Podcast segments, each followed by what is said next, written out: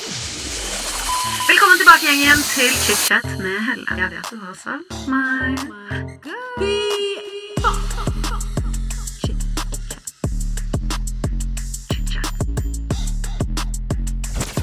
I dag får jeg artist og influenser Karina Dahl inn i studio. Karina er jo som sagt mest kjent som artist, men du har kanskje sett henne på TV også, for hun har vært med i mye reality, som blant annet eh, Farmen, 71 grader nord, og hun har også vunnet Torpet. Jeg gleder meg til å spørre i dag om hvordan det var å være med på Big Brother back in the days. Altså, Karina var jo med i sesongen med Morten Hegseth, som gikk for nesten ti år siden. På denne tiden så var det jo ikke sosiale medier sånn som det er nå, så når hun da kom ut av Big Brother-huset, så var hun jo megakjendis. Og jeg lurer på hvordan det var for henne å være med der, og i tillegg også være med på Tigerstaden, for de av dere som husker det. Iconic, iconic, iconic. Vi får også høre om oppveksten hennes i dag, og Karina har jo hatt en litt annerledes oppvekst med tanke på at faren hennes er tidligere Hells Angels-medlem, og han er en av Norges mest kjente trommiser. Så jeg gleder meg til å høre om eh, alt eh, i livet hennes fra barndom til nåtid. Det er ikke noe mer å si dere enn kos dere med dagens episode, og velkommen til chit-chat. Vi bare starter. Ja. Karina Dahl, velkommen til chit-chat. Tusen takk. Godt å ha deg i studio. Ja, det er godt å være lenge siden jeg har gjort pod nå. Ja. Syns, liker du pod? Ja, altså, jeg, sånn helt ærlig så kan jeg bli litt lei av å snakke om meg selv. Perfekt å være her. Ja, da, sant? bare gå inn og lure. Uh, ja, altså, jeg hadde en sånn periode i høst hvor jeg var på så mange podinnspillinger, for da hadde jeg liksom tid. Eh, og da Det er veldig hyggelig, herregud. Men eh, ja, man snakker nok om seg sjøl. Ja. Forhåpentligvis i dag så snakker vi om litt ting som du ikke snakker så ofte om, for vi skal jo Ja. gå gjennom livet ditt på en måte fra oppvekst Ja. til nå. Og vi bare gønner på. Du er jo fra Trondheim, som de aller fleste vet og hører. Ja. Ja. Snakker Kan bare bredere og bredere. Jo, men nydelig, da, for jeg føler jo ofte at når man har dialekt og flytter til Oslo og bor her, så er det jo lett at det blir litt sånn utvannet, på en måte. Ja, nei, jeg syns det er så mye personlighet. Altså, det er sikkert noen ord som jeg legger inn som er litt uh, fine, på en måte. Men jeg syns at uh, det, er, det er liksom sånn Karina Dahl, ja, hun er trønderen, ikke sant. Man, man husker jo folk også bedre når man har en dialekt som man klarer å beholde. Ja, veldig. jeg, ja. For jeg du er jo Sånn som det var sånn um, Hun kollegaen min på kontoret var sånn da Hvem skal du ta i dag? Bare Å, Karina. Uh, hun fra Trondheim. Altså, det var Ja. jo det jeg sa. Ja, ikke sant? Så det er jo Identifiserer det. Ja, ja, Absolutt. ja. Men eh, vi, vi går litt tilbake i tid, vi. Ja. Kan ikke du fortelle meg litt om oppveksten din i Trondheim? Ja, eh, hvor skal vi begynne? Jeg ble jo født inn i en eh, familie hvor jeg hadde Eller faren min var jo ekstremt stor musiker på den tida. Eh, så det er jo sånn som jeg ikke skjønte sjøl, sikkert. Men da var jo han på turné i USA og Japan og hele verden og var Altså Alle som er like gamle som meg, husker jo Topp-magasinet. Altså Pappa var sånn på, på forsida av det, ikke sant? Var han sånn den posteren i midten? Ja, sånn, ja, er ja. sånn du kan ta Ja. ut og henge på veggen? Yes! Åh, gode tider. Life is full of what ifs. Some awesome, like what if AI could fold your laundry? And some, well, less awesome, like what if you have unexpected medical costs? United Healthcare can help get you covered with Health Protector Guard fixed indemnity insurance plans. They supplement your primary plan to help you manage out of pocket costs. No deductibles, no enrollment periods, and especially no more what ifs. Visit uh1.com to find the Health Protector Guard plan for you. Many of us have those stubborn pounds that seem impossible to lose, no matter how good we eat or how hard we work out. My solution is PlushCare. PlushCare is a leading telehealth provider with doctors who are there for you day and night to partner with you in your weight loss journey. They can prescribe FDA-approved weight loss medications like Wagovi and Zeppound for those who qualify. Plus, they accept most insurance plans. To get started, visit plushcare.com slash weight loss. That's plushcare.com slash weight loss. Denne episoden er sponset av Hello Fresh. Og for dere som har hørt på Chichat før, dere vet at jeg elsker Hello Fresh, for dette er et fantastisk matkassekonsept som treffer meg midt i blinken. Og for de av dere som ikke vet hva Hello Fresh er, som har gått glipp av det, dessverre, nå skal dere få en full introduksjon, for dette her er altså matkasser som gjør at nordmenn over hele landet får bedre tid i hverdagen, får sunne, næringsrike middager, og det går kjapt og enkelt. Du får altså alle ingrediensene levert på døren i ferdigporsjonerte ingrediensposer. Altså det er musikk i mine ører, i hvert fall. Her trengs det minimalt med effort for å lage middag og for å få en fantastisk smakfull middag. Og spesielt nå som det er vår, dere, så får vi de crispy grønnsakene. Vi får alt vi er keen på nå som solen stikker frem, og det gjør meg lykkelig. For jeg er jo en av de som hater å stå og stampe i køen på matbutikken etter jobb. Så for min del, etter jeg begynte med Low Fresh og sånn matleveringskasse, så bare åh, Jeg får altså send inni meg av å ikke tenke på hva jeg måtte lage til middag. Og det som jeg syns er digg da med Hello Fresh, er at du kan velge mellom 25 nye digge retter hver eneste uke. Og du kan skreddersy akkurat sånn som du selv vil.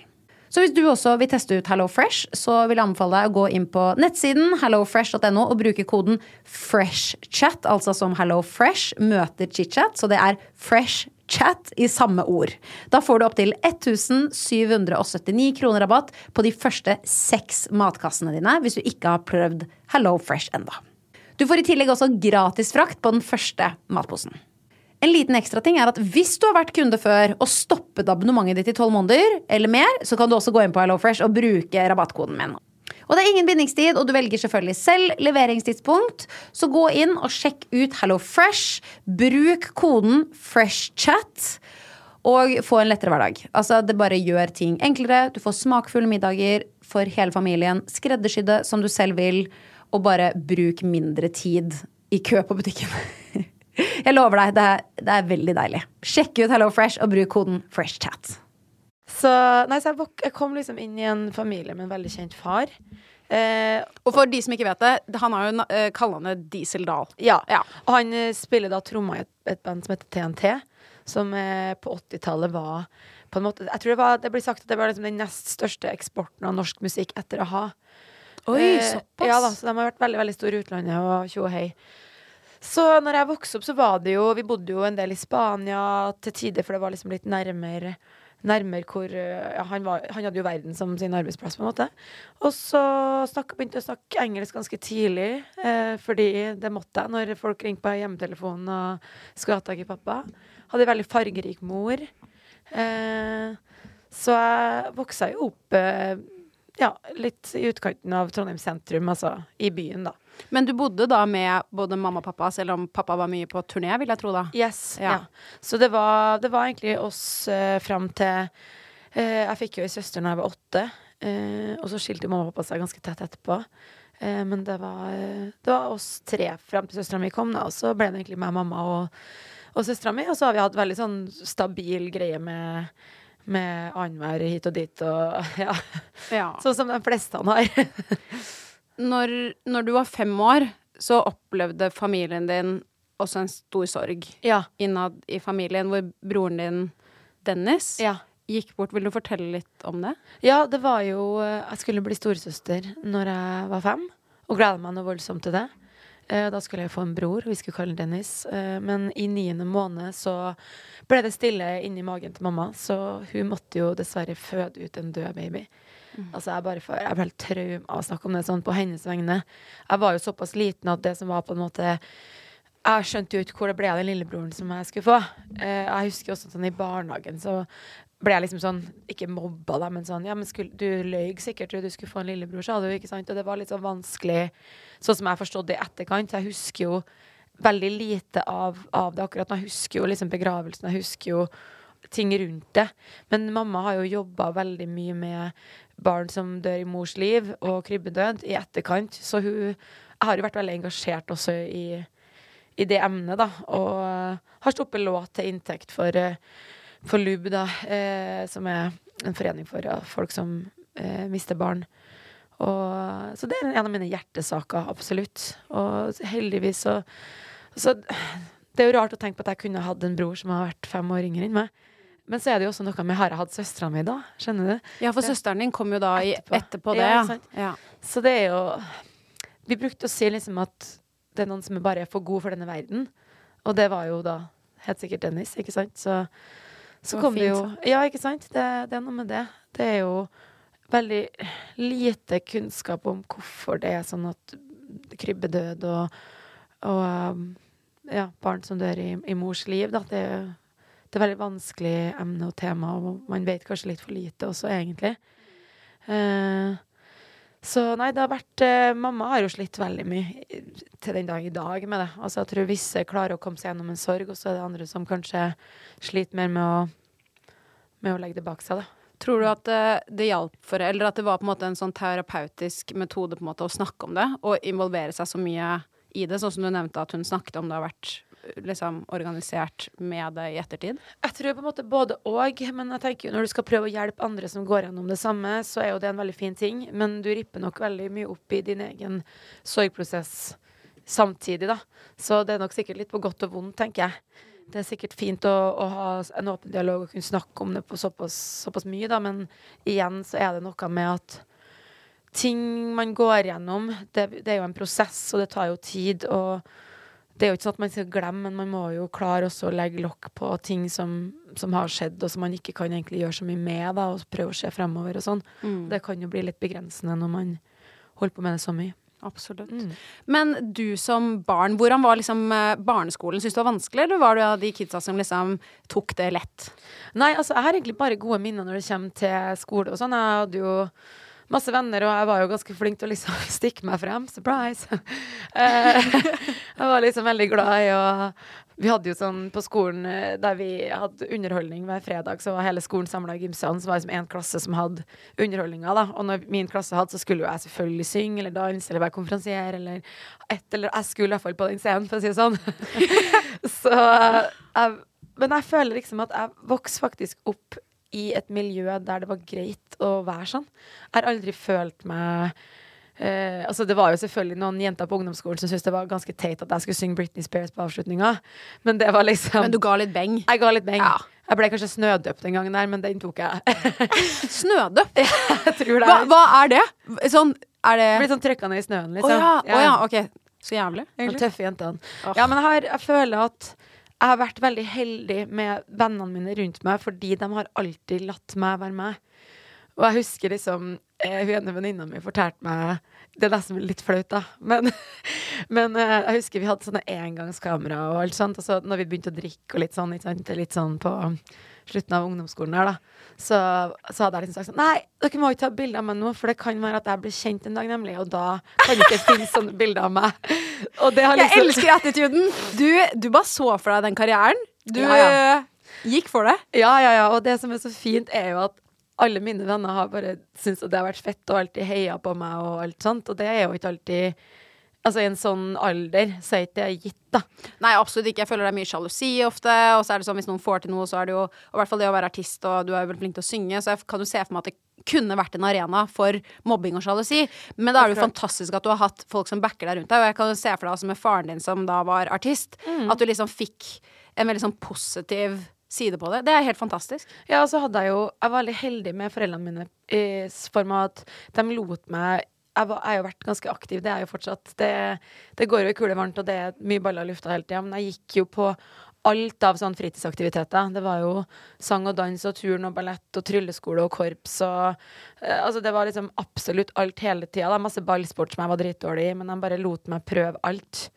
Og det er jeg veldig glad for. Ja, det skjønner jeg. Det er jo sånn som jeg er i dag også. Det, jeg gjør veldig mye, og det er veldig travelt, og det er mye armer og bein og sånn, og sånn har det egentlig vært alltid. Ja. Jeg må bare spørre deg, fordi faren din er jo tidligere medlem av Hells Angels. Ja. Har du noen gang vært med pappa på klubben, liksom? På HA? Altså, jeg har bodd der annenhver uke. Episk! Ja da. Så nei, det var en periode der etter mamma og pappa skilte seg, hvor han eh, hadde bopel på en måte i klubben i Trondheim, da, som er sånn på en måte Det er på en måte egne leiligheter i Ja, på, en, på et stort uh, ja, bygg, skulle jeg si. Eh, så der bodde vi jo annenhver helg og en gang i uka, og kanskje litt lenger innimellom og sånn, i en periode. Sånn hele familien? Søsteren din og moren din og på en måte? Nei, da var jo de skilt, da. Oh, ja, ja? Ja, når, når de skilte seg, så var, måtte jo meg og pappa Altså meg og søstera mi til pappa. Eller vi ville jo det. Så da var vi der. Men eh, det er sånn, hva skal jeg si, alle miljøer Altså, for å dra det jævlig langt, da, så er jo det er jo prester som har vært pedofil, men alle prester er jo ikke det. Og i Hells Angels så er det jo sikkert noen som er kriminelle, som i alle andre miljøer, men alle er jo heller ikke det. Så ja, for å dra litt langt, så kan man jo si det sånn. Men jeg har aldri opplevd noe, noe dårlig der. Og det var egentlig mer idyllisk med masse kids og masse plass, og vi hadde masse sånne små mopeder vi drev og kjørte rundt med, og var på epleslang og kosa oss, liksom. Så det var Gode barndomsminner. faktisk Ja, men så hyggelig. På til 2000-tallet så begynte du å jobbe som modell, glamourmodell. Det er litt å ta i, da, men Ja. eh, Hvordan kom du inn liksom i det? Nei, jeg tror det som skjedde, var jo liksom i slutten av 2000-tallet, så øh, Da var det veldig sånn inn med det her glamourmodellgreiene, og det tror jeg på en måte aldri er aldri Hva skal jeg si? Kalle en sommerjobb, da. Hvis visse jobba på Rema eller plukka jordbær, liksom, og jeg tok en forsøk på FHM. Eh, men det var aldri noe sånn mål, eller jeg føler aldri at det har vært en Den der syns jeg er liksom dratt litt langt. Okay. Eh, fordi jeg husker det var noe som het Årets gatebil-babe. Ja, fordi det leste jeg om, og det var det jeg lurte på. Jeg skulle bare spørre deg, hva er det? Jeg føl men jeg føler også at på den tiden det var mye større da. Ja. Dette var en helt annen tid enn det det er nå, bare. Ja, så jeg tror det som Jeg har jo alltid vært veldig glad i å stå på en scene, og jeg konkurrerte jo masse i dans eh, når jeg var yngre. Og det her Årets gatebilbil var jo på en måte et show da på Rudskogen, som var en sånn bilfestival. Og jeg planla jo liksom Koreograferte jo det showet, ikke sant, med stol, og var jo helt uh, NSYNC og Britney Spears og alt som var da. Uh, og det var jo på en måte for min del en arena for å underholde. Men så var det jo kanskje de andre jentene var jo kanskje litt mer sånn som bare gikk opp og ned med en bikini og satte seg litt ned på huk og sånn. Ja, for du tok liksom stage approachen, Ja, altså var- som artisten du er nesten i dag, ikke Ja, sant? altså du, sånn- ja, ja. Jeg trodde jo det var det som var greia, på en måte. Så jeg vant til det opplegget der, da, ikke sant. Og da var det jo eh, Ja, så førte jo det litt mer med seg med at jeg gjorde en forskjell på FHM og litt sånn, men det var Det var en veldig sånn briefly greie som skjedde. Det var aldri noe sånn mål og mening med det. Ja. Du bare datt litt inni det, på en måte? Ja, og da, da var jeg jo kanskje 19 eller 20 da, og akkurat blitt ferdig på videregående, var i studio og jobbet med musikk. Som jeg har sagt, så har jeg alltid vært sånn som har holdt med veldig mye ting hele tida. Når jeg flytta til Oslo her, jeg hadde jo tre-fire jobber og var liksom helt overalt. Eh, så det var på en måte bare en, en av veldig mange ting jeg har gjort i livet mitt, og ikke noe sånn graverende jeg, vil aldri, jeg vil aldri si at jeg har vært modell. Altså sånn, det det syns jeg er litt og, ganske heftig å ta i, liksom. Ok, ja, ja, ja. Jeg ser den. Ja. Men når var det du flyttet til hovedstaden? Jeg flytta hit i 2005, eh, og da bodde jeg jo egentlig bare her et kvarter. jeg bodde her et eh, halvt år, og så flytta jeg jo til Stockholm i seks år. Ja, fordi eh, når var Fordi du sa jo at du alltid likte å performe, men når var det du liksom begynte å satse på musikk- og artistkarrieren?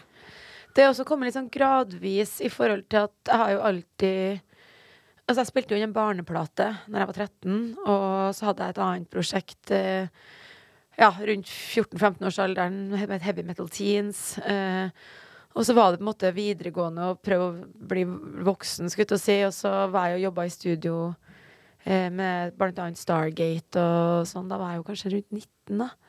Eh, så jeg prøvde jo liksom å satse hele veien, men det, det er jo veldig vanskelig, og spesielt da når det ikke var en sånn veldig digital verden også, så er det jo litt vanskeligere å Ja, hvor, hvor begynner man, liksom? Det er jo en sånn gradvis prosess.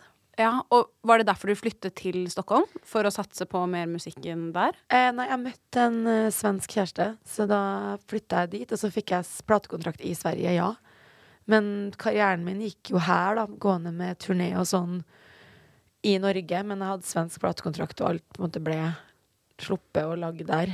Ja. Og Stockholm var jo et mekka for popmusikk, så det var jo helt fantastisk å jobbe der. Ja, for jeg har hørt at det, liksom flere av verdens beste låtskrivere de er jo i Sverige. At store artister drar til Sverige for å spille inn og sånn. Stemmer det? Det er helt riktig. Det er jo på en måte en hovedstad i musikkverdenen når det kommer til pop, da. Eh, det er jo veldig mange av sånn, de sto, store fra liksom mine gamle dager, sånn Back, Backstreet Boys og NSYNC, sånn, det er jo svenske produsenter og låtskrivere. Ofte. Eh, så Det visste jeg ikke.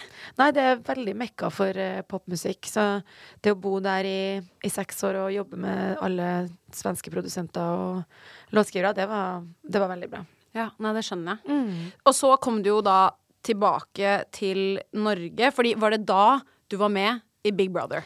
Det var før jeg flytta til Stockholm. Det var før, ja, for det var i 2006. Yes. Var det første sesong av Big Brother? Nei, jeg lurer på om det var siste. Hva- Hadde det gått så lenge?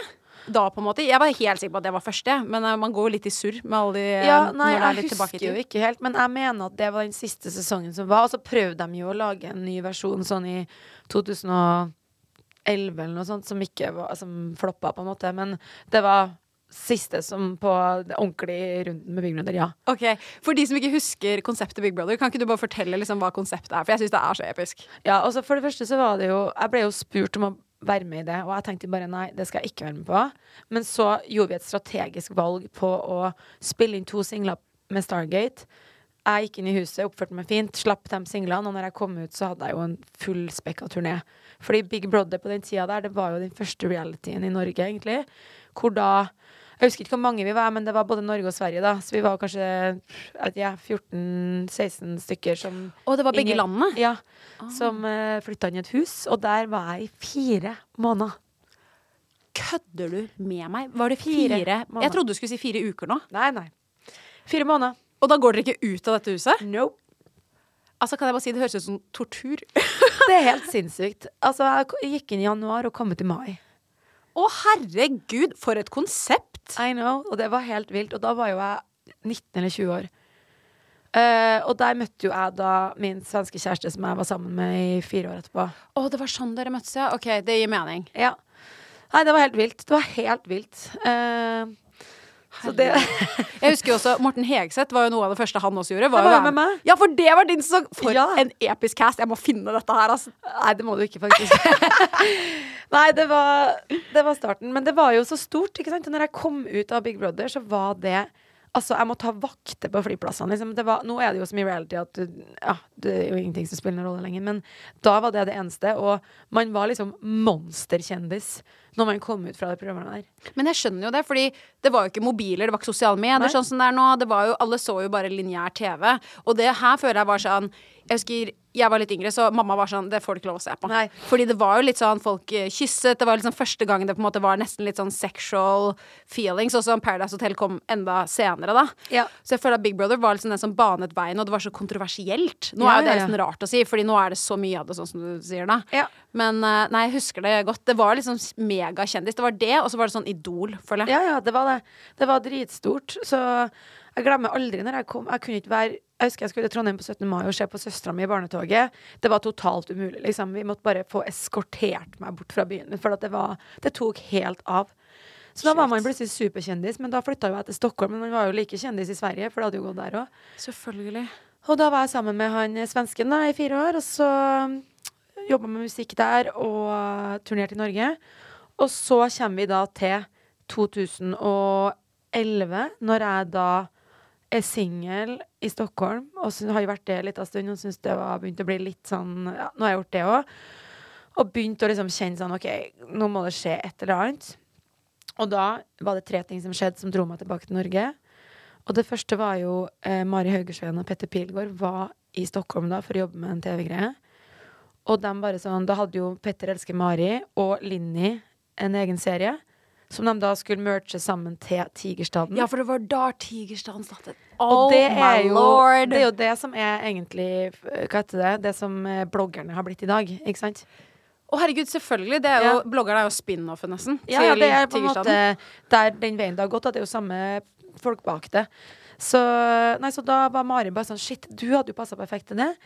Og så hadde jeg akkurat møtt en fyr i Norge, så det var sånn Jeg fikk meg norsk kjæreste og fikk eh, tilbud om Tigerstaden og norsk platekontrakt. Så da var jeg sånn OK, nå pakker jeg sammen og drar hjem. Ja, fordi i 2010 så du, ga du jo også ut ditt første soloalbum, Ja. Hot Child. Så det Ja. skjedde jo også rett før dette, Ja. da. Shit, for en periode i livet ditt. Det må ha skjedd så mye Altså, det skjer jo fortsatt mye, men det bare, alt høres ut som liksom bare Sjat! Ja, det, det er sånn som jeg føler liksom, karrieren min har vært Det har jo gått litt sånn i rykk og napp. Og det var jo selvfølgelig Man ble på en måte superkjendis når man var med i Big Brother og slapp musikk og sånn, men det var litt sånn armer og bein, for alt skjedde så fort. Uh, så jeg føler på en måte at okay, Jeg slapp jo album og turnerte og sånn i alle de årene jeg bodde i Stockholm. Men det var egentlig en litt sånn ny start når jeg kom tilbake til Norge i 2012, da, og det var ny platekontrakt. Jeg, jeg kom på syvendeplass. Min første topp ti-plassering med musikk.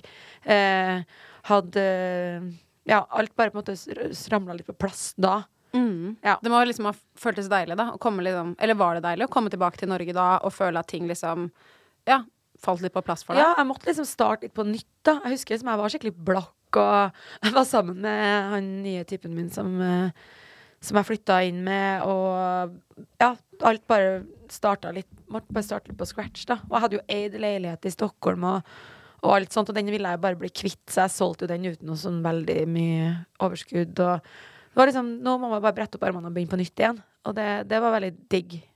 Mm. Men sånn med tanke på Tigerstaden øh, Nå er jo reality nesten sånn skriptet, føler jeg. Var Ja. det det på den tiden òg? Eh, det er nok ganske likt sånn som på bloggerne, tipper jeg. Uh, det er jo ikke skripta. Det var mer sånn at Vi hadde på en måte et møte sånn OK, hva skjer i høst for deg? ikke sant? Og så var det sånn OK, der skal jeg spille musikkvideo. Så skal jeg dit på konsertjobbing, og så skal jeg være konferansier på Frøken Norge. Eller altså sånn. Bare liksom tok Bare fortalte litt sånn hva skal jeg gjøre, og så blir de med på det som er interessant. Og så var vi jo litt på litt sånn turer. Det er ikke skripta, men ja, du vet. Du har plassert et sted, og så ja, vet de på en måte litt hva som kommer til å skje, men Ja det da. er ikke scriptet, scripted. Ja. Men så var det jo litt sånn, jeg syns jo litt synd på han produsenten i Tigerstrand, fordi når vi skulle eh, starte, så var jo alle vi, eller både meg og Linni var jo single, og det syntes jo de var veldig gøy. Men før vi rakk å begynne å spille inn, så fikk vi oss begge kjærester. og det trodde jeg de syntes var veldig gøy. Eh, så Nei, det ble litt annerledes, tror jeg, men det gikk jo fint, det òg. Men uh, de hadde sikkert sett for seg litt sånn single times. eh, I Show. Oslo, liksom. Ja, Ja, ja. ja, ja. How would you like to look five years younger? In a clinical study, people that had volume added with Juvederm Voluma XC in the cheeks perceived themselves as looking five years younger at six months after treatment. Look younger, feel like you. Add volume for lift and contour in the cheeks with Juvederm Voluma XC. Reverse signs of aging by adding volume to smooth laugh lines with Juvederm Volure XC.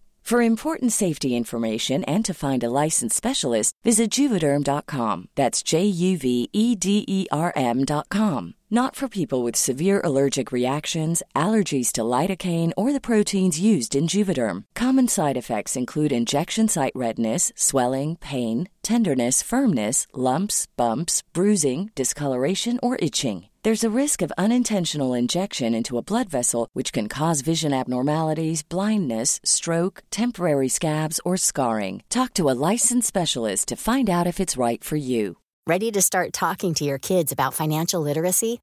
Meet Greenlight, the debit card and money app that teaches kids and teens how to earn, save, spend wisely, and invest with your guardrails in place.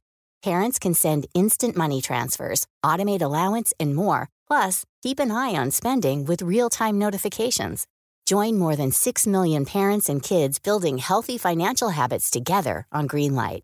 Get your first month free at greenlight.com slash ACAST. That's greenlight.com slash ACAST. A lot can happen in three years, like a chatbot may be your new best friend. But what won't change? Needing health insurance. United Healthcare Tri Term Medical Plans, underwritten by Golden Rule Insurance Company, offer flexible, budget friendly coverage that lasts nearly three years in some states. Learn more at uh1.com.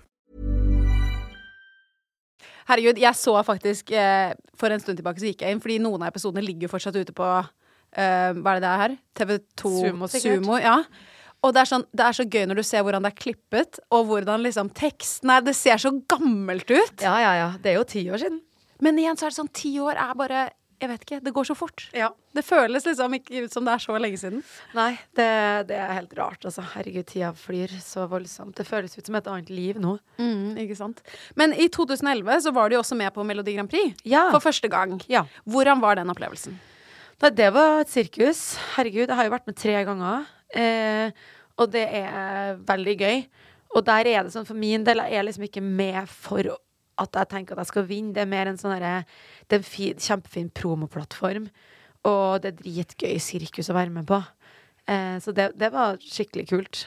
Jeg hørte at eh, av Alexandra Joner, hun fortalte meg at det er sånn den eneste arenaen hvor du kan gjøre hva du vil, og så får de det på en måte til. Ja. Hun bare, Hvis du er keen på at det skal regne på scenen, Ja, ja. så bare They will make it rain. Ja, ja, heng meg opp ned og sleng meg i veggen, liksom. Det må være gøy for en artist å få liksom en arena med liksom høyt budsjett og bare gønne på, liksom. Jeg vet ikke om det er så veldig høyt budsjett, da, men man, man eh, kan komme med ideer som eh, Hvis de er gjennomførbare, så, så kjører de på, liksom. Det er jo et show. Ja. Det er jo på en måte Norges største Altså talentshow, kall det det, da. Nei, absolutt. Eller sånn, ja, nå er det jo kommet selvfølgelig masse annet. Sånn eh, X-faktor og sånn. Ja. Men jeg er skjønner hva du mener. At det er i hvert fall en, en platt en, Altså sånn for sang, da, og Ja. artister, så er det jo noe av det absolutt største. Og så er det jo litt kult at det er på en måte flere etablerte artister, men så er det også helt nye. Så det, jeg syns det er veldig kult konsept. Men er det altså sånn eh, Hvordan kommer man inn i Melodi Grand Prix? Jeg har lurt på det så mange ganger. Er det sånn at du kan lage en sang, og så sende det inn, eller må du på en måte ha kontakter? Nei da, du, alle kan sende inn. De får jo flere tusen bidrag hvert år.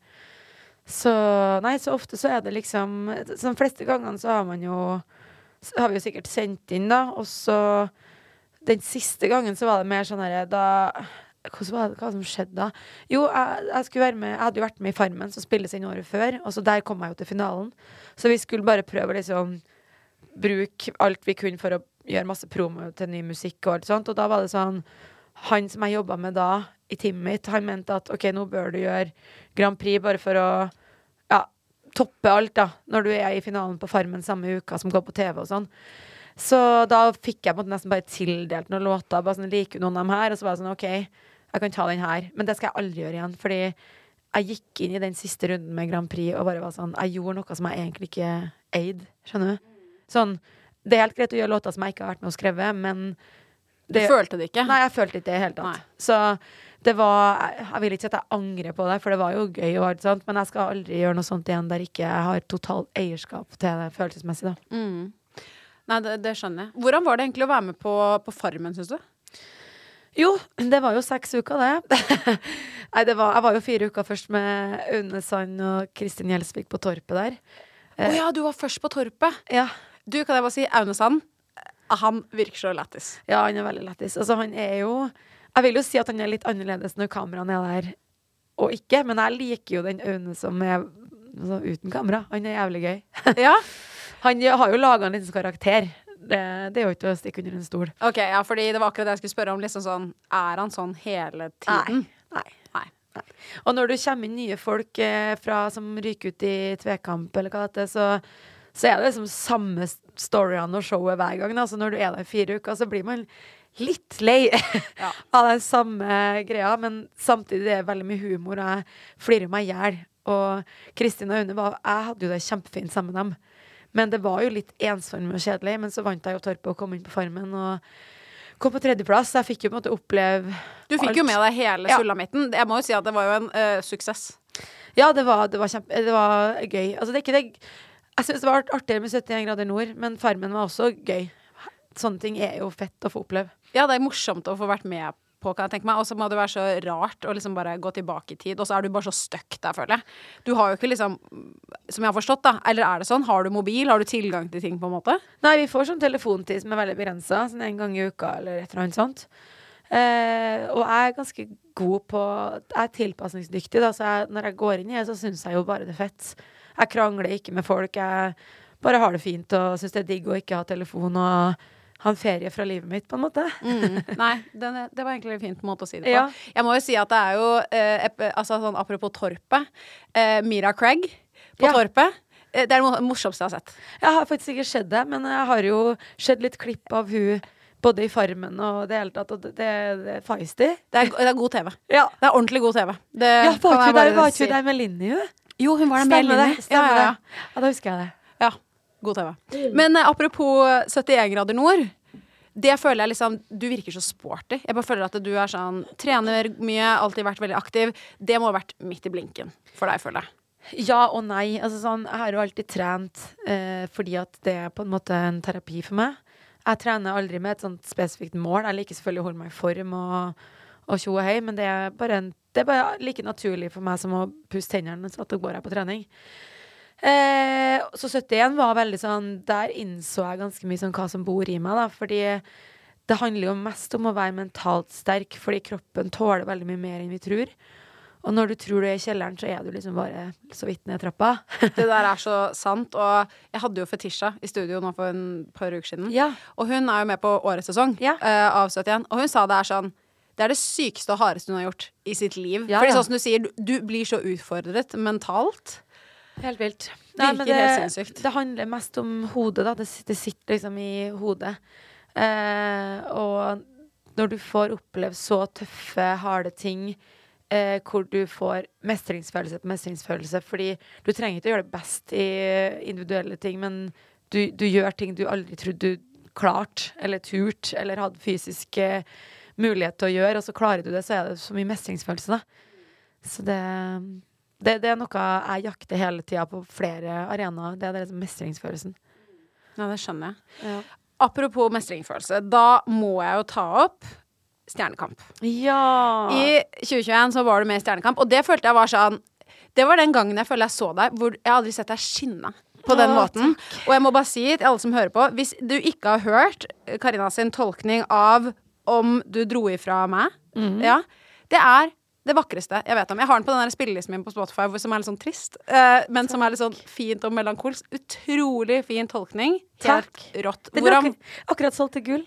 Mener du det? Ja. Gratulerer! Helt rått. Men hvordan var Stjernekamp for deg? Eh, OK, det, det som er greia for min del, er et ja-menneske. Og så tenker jeg bare ja, ja, det har ikke jeg gjort før. Det går fint. Det kjører vi på med. Men så kommer jeg liksom til når vi starter, og jeg liksom møter de andre. Vi var vel ti eller tolv stykker, jeg husker ikke, men helt sykt dyktige eh, sangere. Som er liksom skolert og teknisk sjukt flinke, liksom. Og da tenkte jeg OK, her kommer jeg med den hese hviskestemmen min, og så skal jeg liksom synge mot eh, folk som jeg følte bare var helt, på et helt annet nivå, da. Så jeg kjente jo bare nei, nå har jeg tatt eh, litt eh, på my for mye på meg her. Uh, så jeg fikk jo egentlig ganske panikk. Og jeg ble veldig nervøs og fikk sjukt lite selvtillit, egentlig. Fordi at jeg tenkte bare nivået her var altfor høyt. Uh, så den første sendinga, da var jeg jo så nervøs at det var jo helt forferdelig å se på. Jeg tror ikke jeg har sett den opptredenen engang. Men så gikk det jo bare, oppover. Eh, og jeg skjønte jo etter hvert at det her er jo ikke en sangteknikkonkurranse. Det er jo en konkurranse om formidling. Og det er jo ikke sånn at det er mange som liker store, klare stemmer. Det er veldig mange som også liker hese, særegne, på en annen måte stemmer. Eh, så det handler jo mer om at det her handla om å være troverdig i de ulike sjangrene og gå liksom helhjerta inn og klare å formidle, da. Ja, og klare å adapte, fordi det er så mye forskjellige stiler. Så det handler jo like mye om å bare vise at du prøver alt du klarer, nesten, føler jeg. Hvis du skjønner hva jeg mener? Og så må du på en måte finne låter som du klarer å tolke på din beste måte innenfor de ulike kategoriene og sjangrene. Og uh, det, vi- ja, jeg klarte jo å komme på tredjeplass, så det var jo Det var jo en enorm mestringsfølelse hele veien, og så var det Det var så mye fint, liksom. Folk var så Folk var så fine eh, i innboksen min på alle plattformer, egentlig. Og jeg kan gå ned gata på Bogstadveien, og så bare kommer det ei dame ut fra Baker Hansen og bare 'Karina, eh, sett deg ned her. Du skal få liksom hva du vil ha. Jeg vet at du har hatt skikkelig problemer med stemmen. Sett deg ned. Du trenger ikke å snakke.' Jeg bare 'What? Hva skjer nå?' Så hyggelig. ja, ja, så jeg opplevde bare så utrolig mye fint rundt, eh, rundt den deltakelsen. Så det er noe av det beste jeg har gjort. Herregud. Ja, det, det må jeg virkelig si. Altså, det var sånn Da følte jeg at du liksom fikk vist godt hvem du er. Jeg vet Ja. ikke, jeg bare følte at du fikk vist liksom mange sider av deg selv. Du fikk også litt det der med å, å være så nervøs på TV. Det, altså sånn du snakket jo om det i en del intervjuer. bare sånn, Dette er faktisk, det er vondt. Ja. Altså sånn, Man er så nervøs at det er sånn du har lyst til å kaste opp, liksom. Ja, det er helt forferdelig. Og jeg tror at Pappa er jo sånn som oftest har sagt til meg sånn, Stjernekamp heier han jo veldig på, men reality generelt, da, sånn 71 og Farmen og alt det der Han mener jo på en måte at jeg heller bør bare fokusere på musikken, men jeg syns at det er en så fin arena der folk kan bli kjent med en som person. Fordi jeg har jo skjønt at på Instagrammen min, når jeg legger ut liksom ja, hit og dit, jeg er på spillejobber og alt sånt, plutselig ser jeg på en yacht, og så er det litt sånn Så kan folk bli litt sånn OK, hva er det hun der holdt på med, egentlig? så da, da tror jeg at det å være på eksempel et program som, på, eh, som Stjernekamp, der jeg gjør faktisk det som er jobben min, men på en måte som er veldig utfordrende, og du kler veldig av deg for det norske folket med at du er grisenervøs, du har liksom to og et halvt minutt å prestere på, én sjanse. Jeg er bare veldig ydmyk overfor å få være med i det hele tatt, og stå sammen med så sjukt flinke folk. Og det at folk kan bli kjent med deg i en så sårbar setting, det tror jeg egentlig bare du har alt å vinne på, da. Eh, Jeg har jo opplevd masse fordommer og kanskje forhåndsdømming opp igjennom fordi at folk ikke kjenner meg, ikke sant?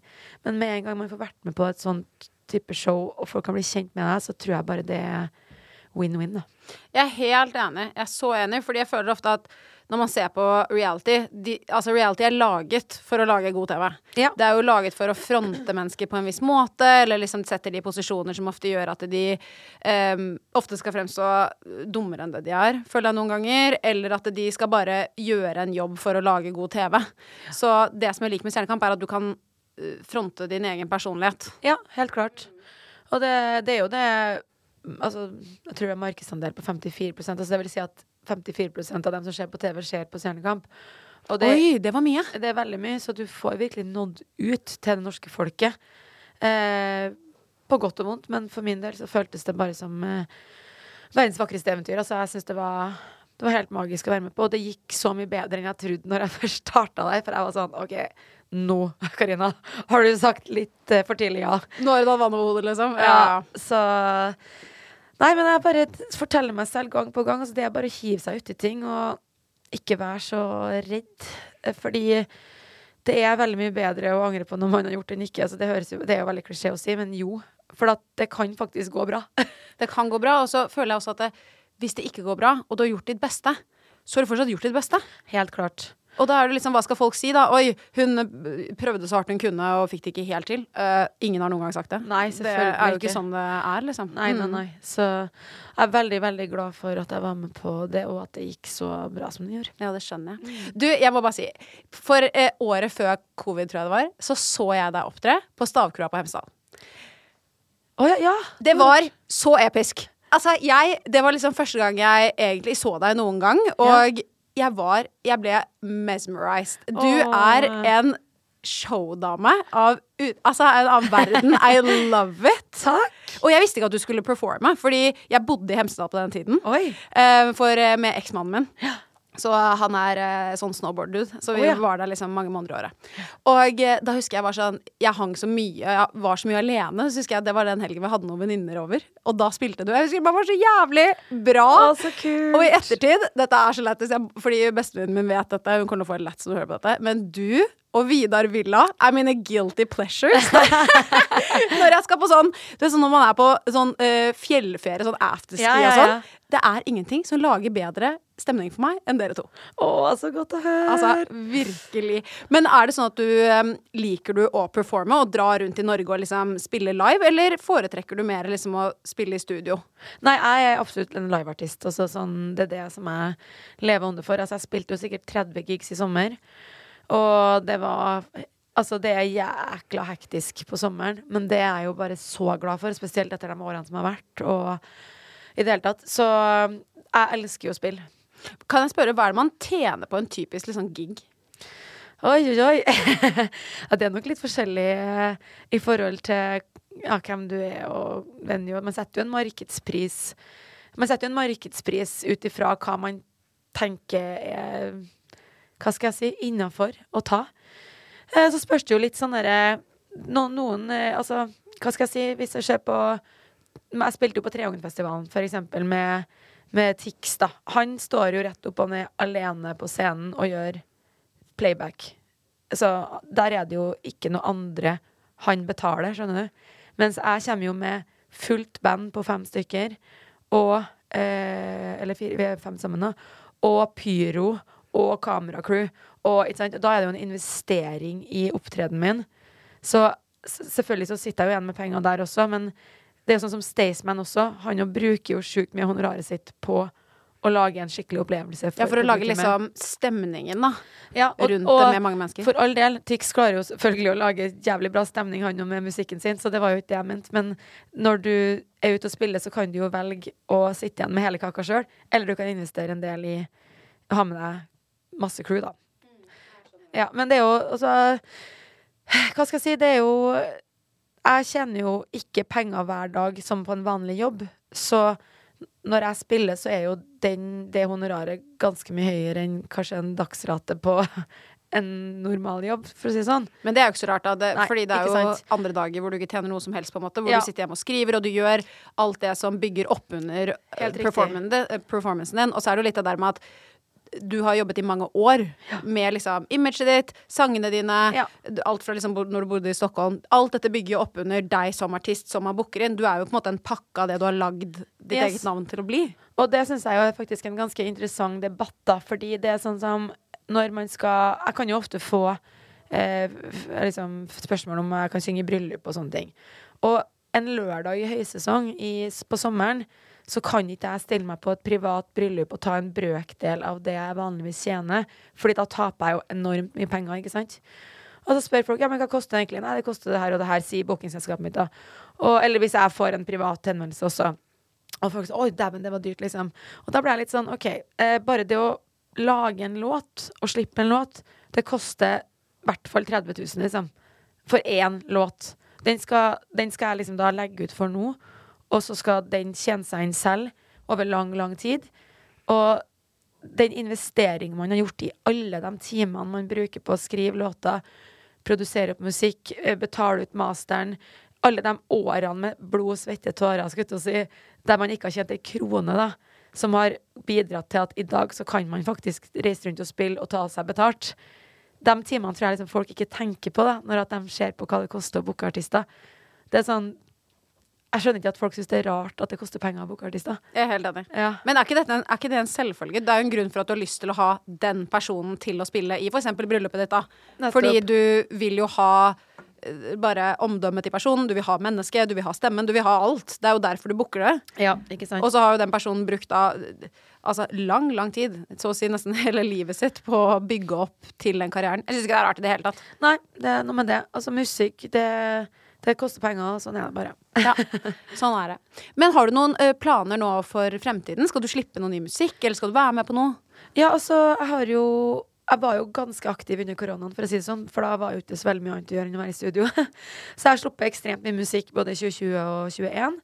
I år så har jeg sluppet tre låter Jeg tror jeg slapp den siste i april, og så har det bare vært så latterlig travelt at jeg Ja, det har vært så travelt at det har vært helt sykt. Jeg føler du har vært overalt i Norge i sommer. Jeg føler jeg har sett det liksom sånn performet der, og så går det sånn én dag, og så er du på andre siden av Norge, og så har du jo, som du sa tidligere, du har med liksom hele alle gutta, liksom de som Ja. spiller, og liksom alt mulig, da. Det må være Er det Det virker veldig slitsomt. Altså, det Ja. logistikkopplegget mitt, du, you have no idea. Og det som er greia også, er jo at jeg er veldig kontrollmenneske når det kommer til jobben min. Så jeg gjør jo det meste selv.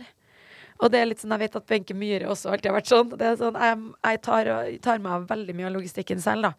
Så det er liksom ikke bare når du er på den scenen og spiller den timen som er jobben. Det er enormt mye mer som ligger bakom i planlegging, logistikk. Bare det å sitte og bestille flybilletter for hele sommeren liksom, tar jo to arbeidsdager. Altså det, det er så mye mer jobb enn du ser liksom, på den scenen. Bare det å finne antrekk da, for 30 gigs. Kan du hjelpe meg, liksom? Oh my god. Det, det, det, hørtes, det hørtes slitsomt ut, Ja. å være helt ærlig. Og så skal du liksom være kul, du skal være fin, du skal føle deg vel, du skal liksom Du skal ha en rød tråd i ting. Og så skal du være artist, og det er jo liksom farger og glitter og liksom Du skal jo skille deg ofte litt grann ut også, kanskje? Jeg vet ikke. Ja, så man vil jo helst ikke ha på seg det samme som noen i publikum. Eh, Den ser jeg. Ja, så nei, det har bare vært enormt travelt. Så nå har jeg jo vært på et prosjekt en periode, men nå, jeg, nå er det bare studio. Så jeg har en spillejobb eh, nå til helga, men så er det Egentlig skal jeg bare bruke hele oktober på studio.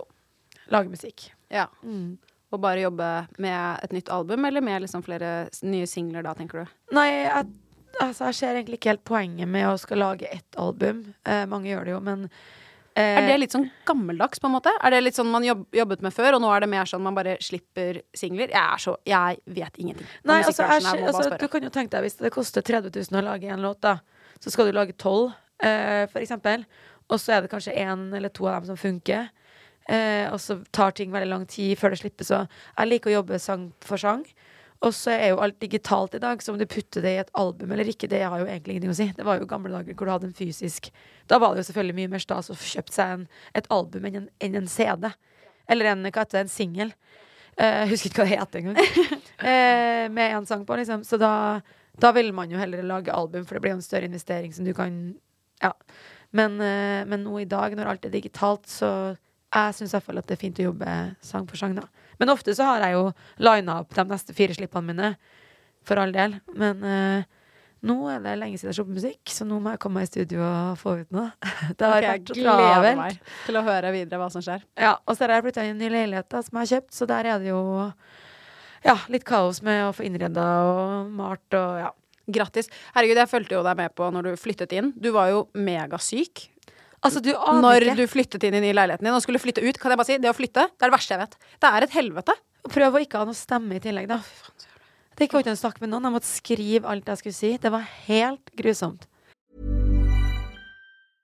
Want to get a chiseled look in the jawline? Sculpt and shape your jawline with added volume from Juvederm Volux XC. Juvederm Volux XC is an injectable gel specifically designed to be robust enough to improve moderate to severe loss of jawline definition. And it is the first and only hyaluronic acid filler approved for the jawline. Add volume to your jawline for a chiseled look with Juvederm Volux XC. For important safety information and to find a licensed specialist, visit juvederm.com.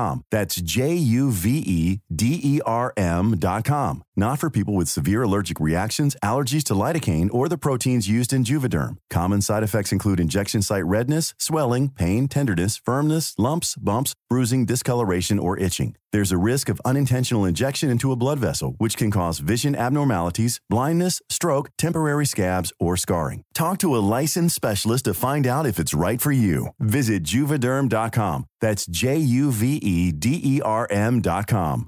Hi, this is Paige from Giggly Squad, and I want to talk to you about Splash Refresher and my water intake. Okay, so you guys obviously know that I'm a hydrated girly, but sometimes when you drink that much water, it starts to just taste bland, and you're just like, I need something to spice it up. That's why I love Splash Refresher. It has zero sugar, zero calories, and it's a splash of sweetness. And they come in five different flavors. They're so good. Wild berry, acai grape, pineapple mango, lemon, and mandarin orange. My favorite is the wild berry because I just I just love a berry. So if you're like me and you're drinking water all day, then try Splash Refresher. It's going to absolutely change your water game and it's good for you. Imagine the softest sheets you've ever felt. Now imagine them getting even softer over time. That's what you'll feel with Bowl and Branch's organic cotton sheets. In a recent customer survey, 96% replied that Bowl and Branch sheets get softer with every wash. Start getting your best night's sleep in these sheets that get softer and softer for years to come. Try their sheets with a 30-night guarantee. Plus, get 15% off your first order at bowlandbranch.com. Code BUTTERY. Exclusions apply. See site for details. Men du, hvorfor var, var det korona du var så syk med? Ja. ja. Jeg hadde jo klart å holde meg unna korona helt til nå. Så fikk jeg korona, og selvfølgelig så var det jo stemmen min det satte seg på. Jeg, klarte, jeg hadde jo luktesans, og jeg hadde heller liksom ikke hatt luktesans enn å miste stemmen. Ja, den, det skjønner jeg. Ja. Var du da redd for at du skulle få permanent skade på stemmebåndet? Kan det skje?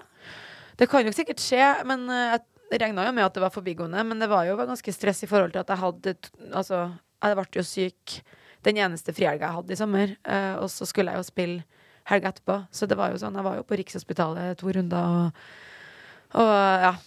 Var hos masse spesialister og styra og holdt på. Ja, det var bra det gikk bra. Ja. Det er nydelig. Du, avslutningsvis så må jeg spørre deg om det spørsmålet jeg spør alle gjestene mine om. Hva er det sykeste ryktet du har hørt om deg selv? Oh lord! At jeg var drugdealeren til Petter Northug. Elsker det! Ja, det var ganske heftig. Den var nydelig. Perfekt avslutning på dagens episode. Helt, helt nydelig. Tusen takk for at du kom i studio, Karina Dahl. Takk. Godt å ha deg her.